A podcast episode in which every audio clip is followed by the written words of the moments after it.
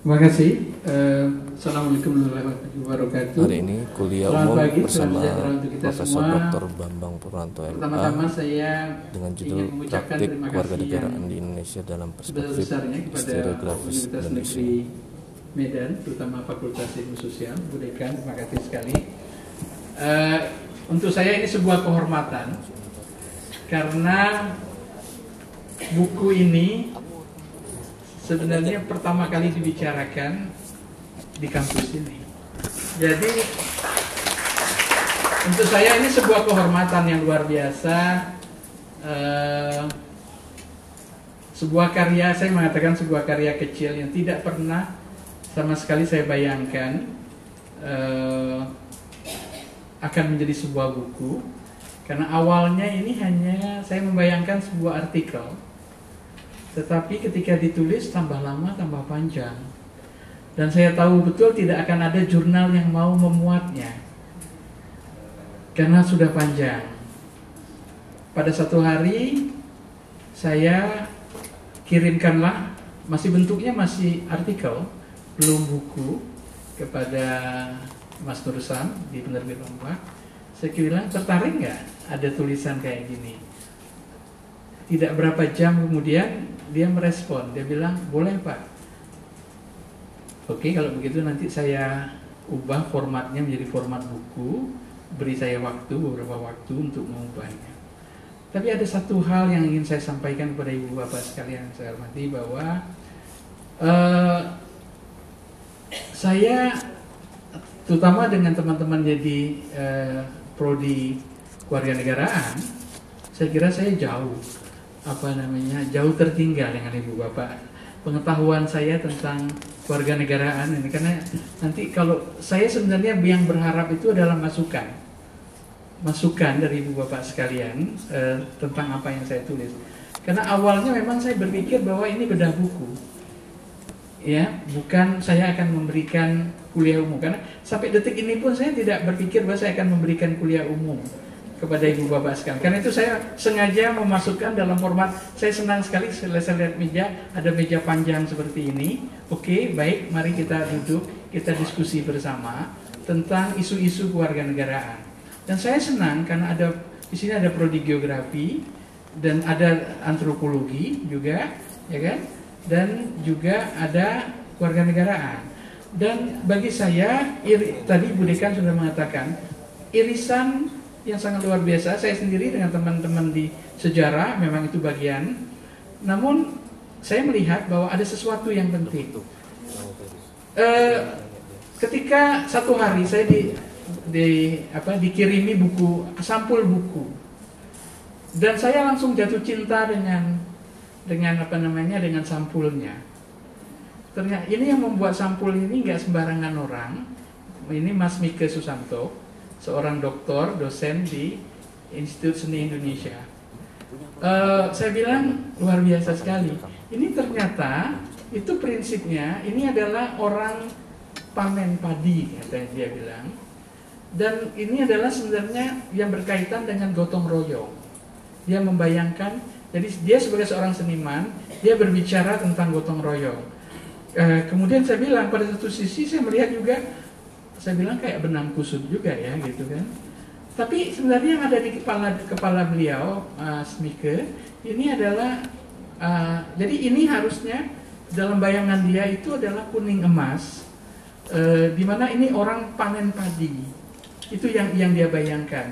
Jadi saya tidak tahu, tapi begitu saya lihat lihat ininya covernya saya senang. Jadi ini betul luar biasa sekali apa namanya sebuah kehormatan juga untuk saya jadi kehormatan yang pertama Mas Mike mau memberi sampul untuk buku saya.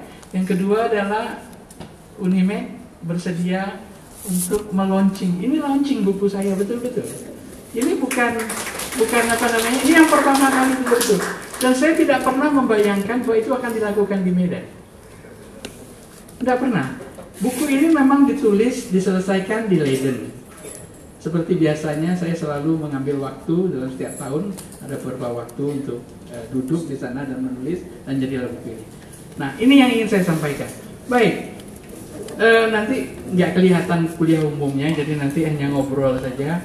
Saya akan mulai dengan satu kutipan. Saya suka sekali dengan kutipan ini. Saya bacakan.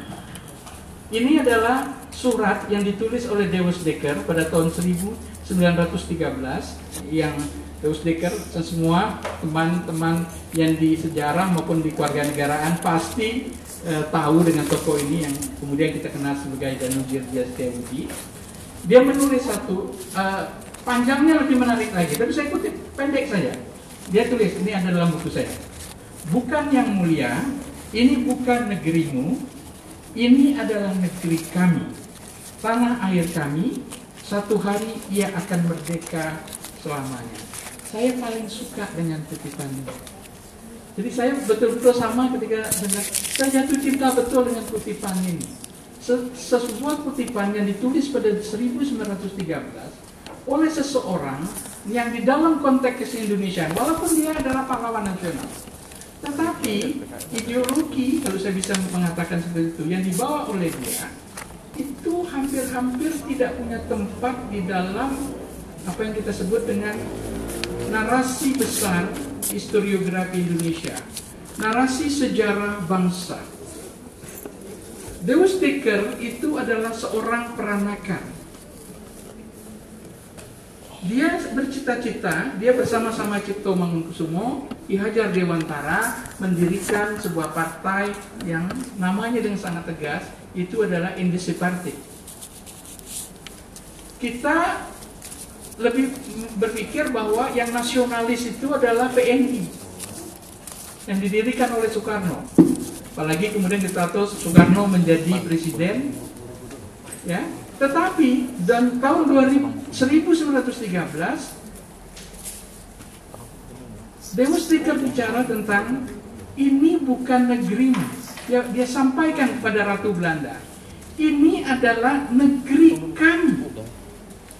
Tanah air kami, satu hari ia akan merdeka selamanya. Luar biasa. Itu melebihi batas dari Budi Utomo melampaui batas pada periode itu setahun sebelumnya kita tahu bahkan ada yang mengatakan setahun dua tahun sebelumnya karena tergantung. Bahkan ada yang menganggap bahwa uh, syarikat dengan Islam lahir lebih dulu kemudian syarikat Islam ya. Tetapi kalau kita lihat ide-idenya dia berbicara tentang kemerdekaan. Tetapi apa yang dibayangkan oleh Dewas Dekker.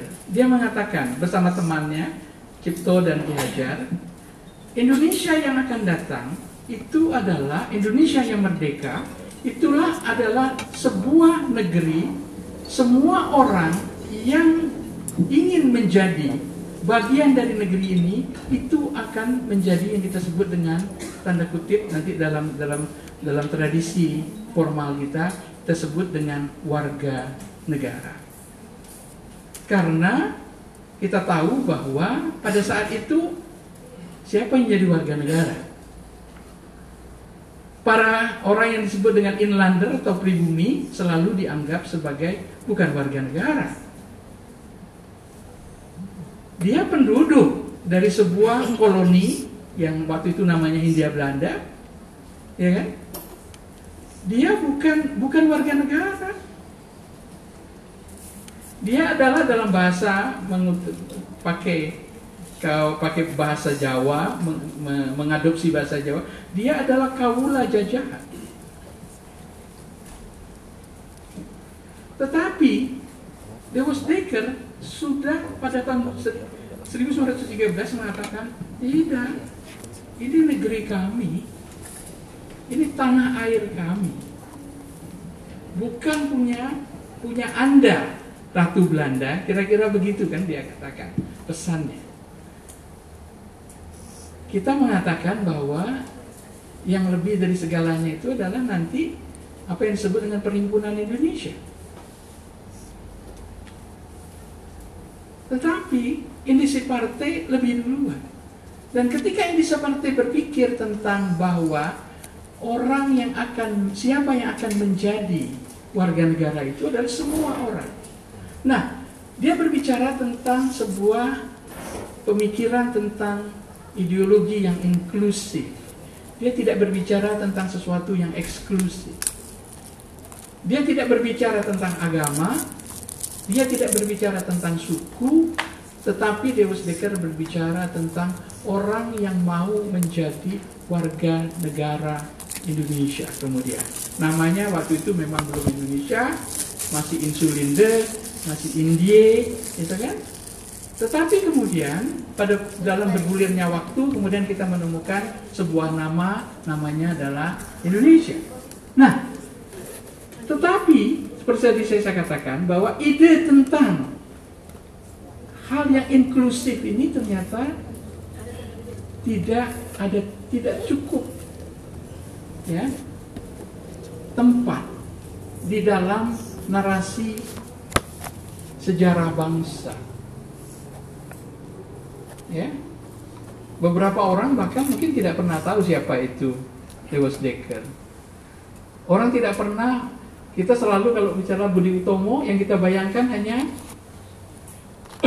pertama adalah Wahidin, yang kedua kita berbicara tentang Sutomo.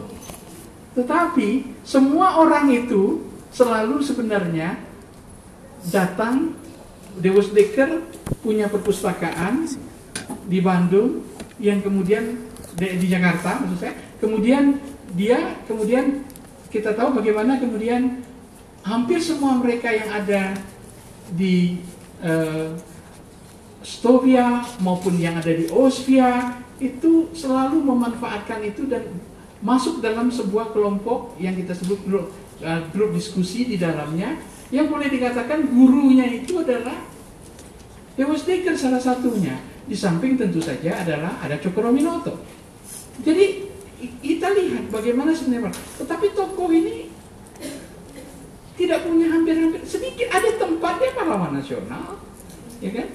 Tetapi indisi partai lama-lama kita lupa apa itu indisi partai. Namanya pun masih Belanda ke Belanda Belandaan dianggap. Padahal dia punya nama lain, kemudian Syarikat Hindia. Ya? Nah ini ini persoalan-persoalan yang kita akan lihat. Nah warisan inilah yang kemudian menarik. Bagaimana kita berpikir yaitu kita punya inlanders di sini. Kemudian saya mencoba membangun sebuah konsep-konsep kemudian membuat terminologi lain. Saya berbicara tentang apa yang disebut kita akan lihat di dalam tulisan ini ada perbedaan yang yang cukup mendasar. Para pribumi, kemudian orang yang menjadi inlander mengkonversikannya menjadi pribumi. Nah, di sinilah kemudian tercipta apa yang kita sebut dengan asli dan asing. Kalau sekarang di Indonesia orang bicara tentang asing, asing, itu konsep asing dan dan asli ini menjadi hal yang begitu apa namanya menyatu di dalam perkembangan nasionalisme Indonesia. Nah, menarik kalau diperhatikan, kalau kita lihat seperti ini, bagaimana kemudian siapa yang asli? Yang asli itu adalah inlanders. Nah, inlander. Yang lain, ya bukan. Orang yang disebut dengan Indis misalnya, orang-orang campuran, itu bukan karena mereka kan adalah bagian dari kolonial itu. Tetapi saya katakan seperti ini, kutipan ini saya dapat dari siapa? Dari orang yang notabene adalah sebenarnya masuk dalam kelompok indis itu. Nah, kita lihat bahwa bagaimana perjalanan sejarah kita tidak sesederhana yang kita bayangkan.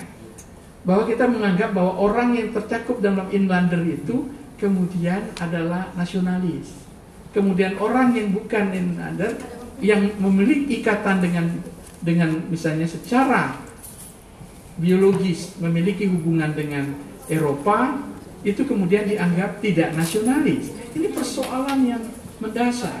Nah, sehingga muncullah apa yang terjadi kita tahu bahwa ini menjadi persoalan besar nanti ketika kita mulai masuk untuk ya memformulasikan siapa yang disebut dengan bangsa Indonesia. Nanti ujungnya siapa yang berhak menjadi warga negara Indonesia. Nah, konsep minoritas kita sampai detik ini itu hanya ditentukan oleh dua aspek. Minoritas itu kita bicara mayoritas itu ya, kemudian ada minoritas. Bagaimana kekacauan yang terjadi di dalam konteks ini? Jadi ada warga negara tetapi minoritas. Nah, tapi persoalannya kemudian seperti tadi saya sampaikan bahwa ketika kita berbicara, ketika kita berbicara soal siapa yang punya untuk menjadi warga negara, itu persoalan yang lain. Karena nanti yang punya hak untuk menjadi warga negara itu adalah apa yang disebut dengan penterjemahan langsung dari inlander. Yang lain tidak punya hak. Ini perjalanan yang menarik menurut saya secara konseptual. Kemudian saya melihat ada persoalan yang mendasar. Ketika Indonesia merdeka, inlander otomatis menjadi Bumi Putra yang namanya kemudian Bumi Putra, dia kemudian jadi warga negara. Nah, bagaimana dengan yang lain? Sistem kolonial membaginya paling atas itu adalah Eropa, kemudian ada Timur Asing, kemudian Inlander.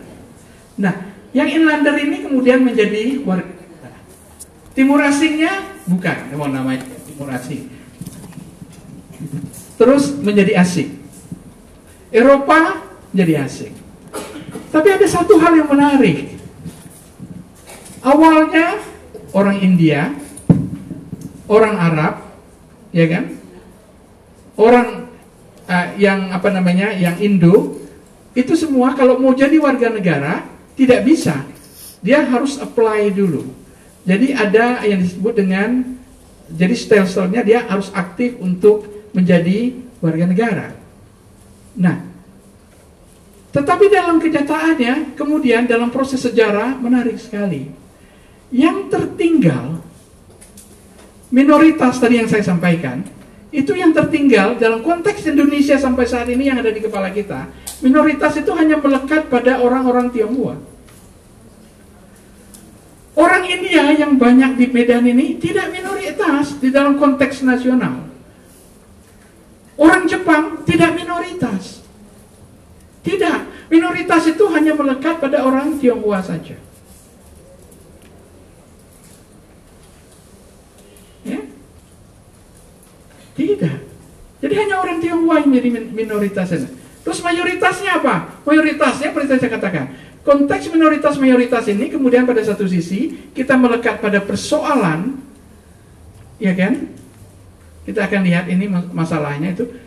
Yang lain bisa tidak jelas apa apa orang India orang itu minoritas atau mayoritas, tapi dalam konteks nasional dia dia tidak menjadi tidak jelas posisinya. Berarti dia ter ya terabsorb di dalam Indonesia. Nah, orang Cina yang lepas yang di, tidak dengar. Kemudian kita punya kategori satu lain yang disebut dengan minoritas, itu adalah basisnya didasarkan pada agama. Yang bukan Islam itu minoritas. Bagaimana praktik warga negaraan kita ini menarik. Kita akan lihat. Ya? Praktik kewarganegaraan kita. Nah, persoalan minoritas dan mayoritas, tapi kemudian bagaimana kita lihat bahwa irisan yang tidak jelas nah, muncul di situ. Nah, bagaimana dengan orang Arab? Seperti saya katakan, orang Arab ini meng, mem, me, me, me, mengalami apa yang saya sebut dengan itu kan naturalisasi. Jadi kalau yang terjadi itu kan naturalisasi secara hukum untuk menjadi warga negara. Tapi dalam kenyataan yang kemudian yang terjadi, orang Arab, orang India yang beragama Islam, ya, atau orang-orang Turki yang yang beragama Islam, itu banyak, ibu bapak orang Turki itu banyak di sini dulu. Yang dulu jadi kalau kalau yang belajar sejarah periode kolonial itu di dalam kategori Eropa itu ada Islamnya. Siapa mereka? Ternyata orang-orang Turki. Jadi kalau Turki itu sekarang masuk bagian dari Uni Eropa sebenarnya kalau dia masuk, tapi dia tidak jadi, dia hanya NATO saja. Itu sebenarnya dulu di dalam konteks Indonesia orang Turki itu adalah dalam kategori Eropa. Nah, mereka itu apa yang terjadi? Mereka mengalami apa yang dia sebut dengan naturalisasi sosiologis. Dia tidak mengalami proses natural, natural, naturalisasi apa namanya secara formal. Jadi prosesnya dia menjadi warga negara itu adalah proses sosiologis. Begitu saja dia jadi. Dan itu tentu saja disebabkan juga oleh apa? Kekacauan di dalam sistem administrasi, kependudukan dan macam-macam. Orang Arab begitu saja masuk menjadi. Nah, orang India yang awalnya juga mereka secara terutama yang Islam masuk begitu saja. Yang non Islam, nah menarik nanti kita tanya Apri, ya kan? Nah, ini ini proses yang bagaimana kita akan lihat bahwa orang-orang yang yang Islam kemudian orang Indonesia dalam memorinya nggak bisa membedakan antara orang India atau kalau sekarang kalau dibagi dalam konteks yang sekarang itu Pakistan sebagian atau orang yang dari Afghanistan yang negara tan-tan-tan itu itu kan yang dulu banyak di sini itu dengan or, kategori Arab termasuk di dalamnya orang-orang Persia. Nah akhirnya mereka dimasukkan kategorinya oh Arab Arab Arab Arab. Ini saya mengatakan dalam konteks konteks memori sosial kita. Akhirnya kita tidak bisa membedakan. Padahal orang itu bukan sebenarnya dalam kategori antropologis harusnya dia adalah India dia adalah kalau kategori politiknya dia adalah Pakistan sebenarnya. Nah, atau dia sebenarnya Persia, tetapi orang Indonesia tidak semuanya dikategorikan sebagai Arab. Nah, ini ini ini bagaimana praktik-praktik kewarganegaraan kita dan mereka yang paling tidak beruntung di dalam proses ini adalah orang-orang Tionghoa di dalam proses ini. Saya selalu guyon pada saya bilang, hampir sebagian besar pribumi itu tidak punya kalau yang didasarkan itu adalah surat tanda bukti kewarganegaraan di luar KTP saya kira satu-satunya orang yang bisa disebut dengan warga kelompok sosial yang bisa disebut dengan warga negara Indonesia itu adalah orang-orang Tionghoa yang mengalami proses naturalisasi secara hukum menjadi warga negara. Karena mereka lah punya bukti sertifikat surat tanda bukti warga negara. Yang lain nggak punya. Apalagi yang nggak punya KTP waktu itu waktu itu kacau balau KTP nggak ada. Nggak punya buktinya kalau dia warga negara. Ya kan? Wong akte kelahiran aja nggak punya. Ya. Nah kecuali kecuali mereka yang kemudian yang karena yang apa namanya yang kemudian uh, menjadi uh, Nasrani karena gereja kemudian memasukkan. Terutama Katolik yang paling yang paling rapi. Ya kan? Nah, Protestan dalam hal ini sama saja dalam beberapa hal baru kemudian menjadi lebih rapi kemudian ya kan ya Nah, ini ini kita lihat, nah, ini praktik-praktik kewarganegaraan yang kemudian membangun konsepsi kita tentang Indonesia pada saat ini. Jadi sebenarnya siapa sih bangsa Indonesia itu sebenarnya? Seperti saya katakan tadi, Dewas Dekker mengatakan, ya orang semua orang yang hidup di situ. Tetapi kemudian kita mengatakan, hak saya, sehingga tidak mengherankan. Apa bunyi dulu pasal sebelum di amandemen? presiden adalah orang Indonesia asli.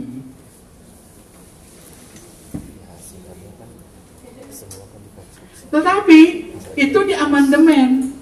Saya bukan ahli hukum, kan saya belajar saja. Tapi ada pasal lain yang mengatakan warga negara adalah orang Indonesia asli dan Nah, ya kan? Nah, akhirnya tetap saja orang Indonesia asli itu masih ada di situ. Nah, sehingga kemudian kita tahu bahwa memang di dalam amandemen itu kemudian undang-undang dasar Nah, saya tidak tahu amandemen yang sekarang sedang dibicarakan apakah akan mengembalikan lagi ke ke orang Indonesia asli atau tidak saya tidak tahu. Nah, apa itu juga yang dipikirkan? Nggak, tidak, saya tidak. Kita lihat saja. Nah, tetapi bahwa kemudian konteks orang Indonesia asli. Nah, orang Indonesia asli itu siapa kemudian? Maka kasihan itu Pak Anies nanti nggak bisa jadi calon presiden itu. Oh dia Arab,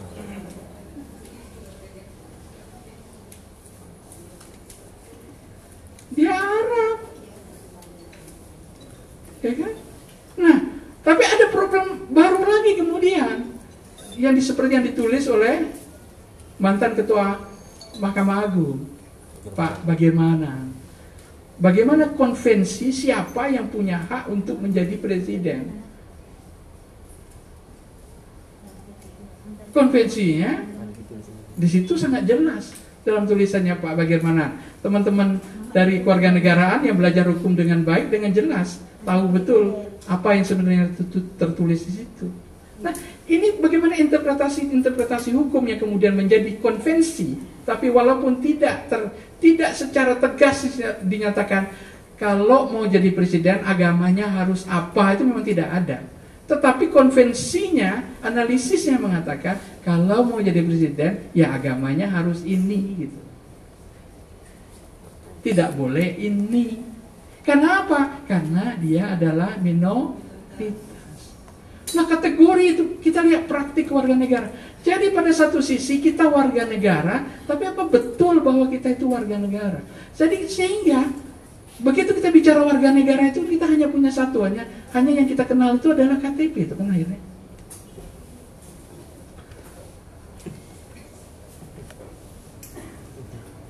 Iya kan? Nah, kemudian ada syarat di situ. Syarat kalau mau jadi apa? Warga negara Indonesia. Nah, tapi kemudian dulu pada masa Orde Baru ada warga negara Indonesia keturunan. Lalu kemudian saya bilang, warga negara keturunan. Warga negara keturunan itu kemudian hanya melekat pada satu kelompok masyarakat saja. Itu adalah komunitas Tionghoa. Lah, yang keturunan India, keturunan Arab, keturunan lah, lah itu ya terus gimana keturunan in, keturunan Barat, keturunan itu masuk masuk tidak? Nggak jelas. Jadi bagaimana sistem hukum kita di dalam praktiknya yang saya sebut dengan praktik. Awalnya ini saya ambil dari Pak Gautama kata praktik warga negaraan itu.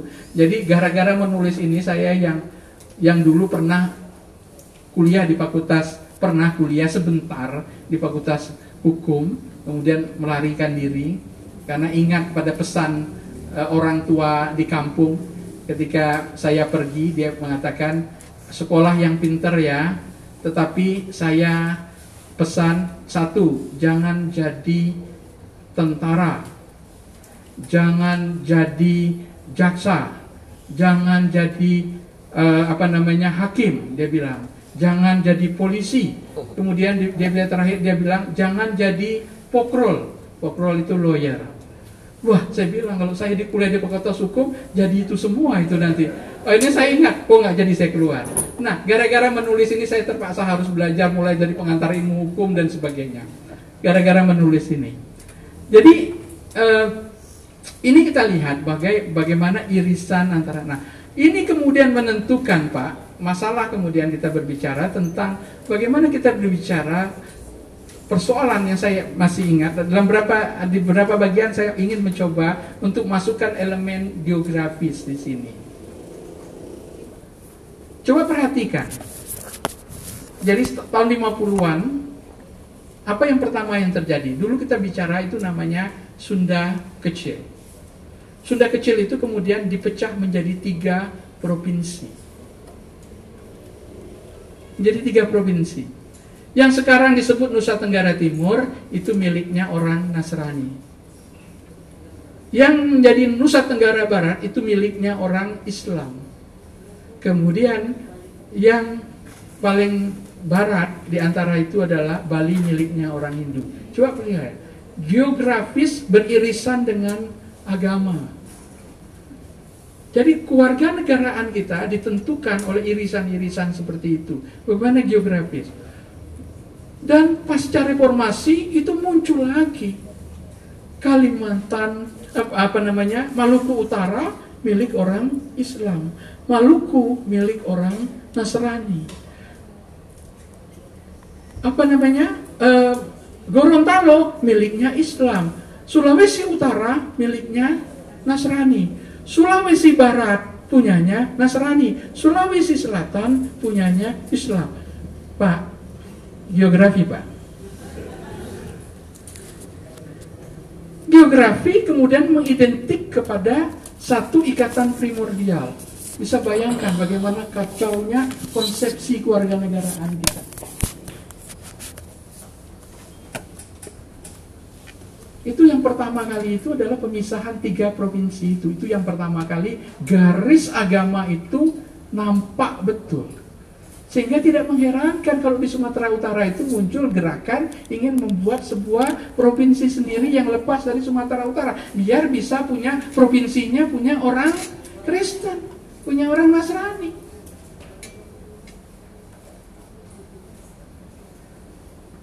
Loh, sudah ada ininya kok, sudah ada apa namanya? Contohnya.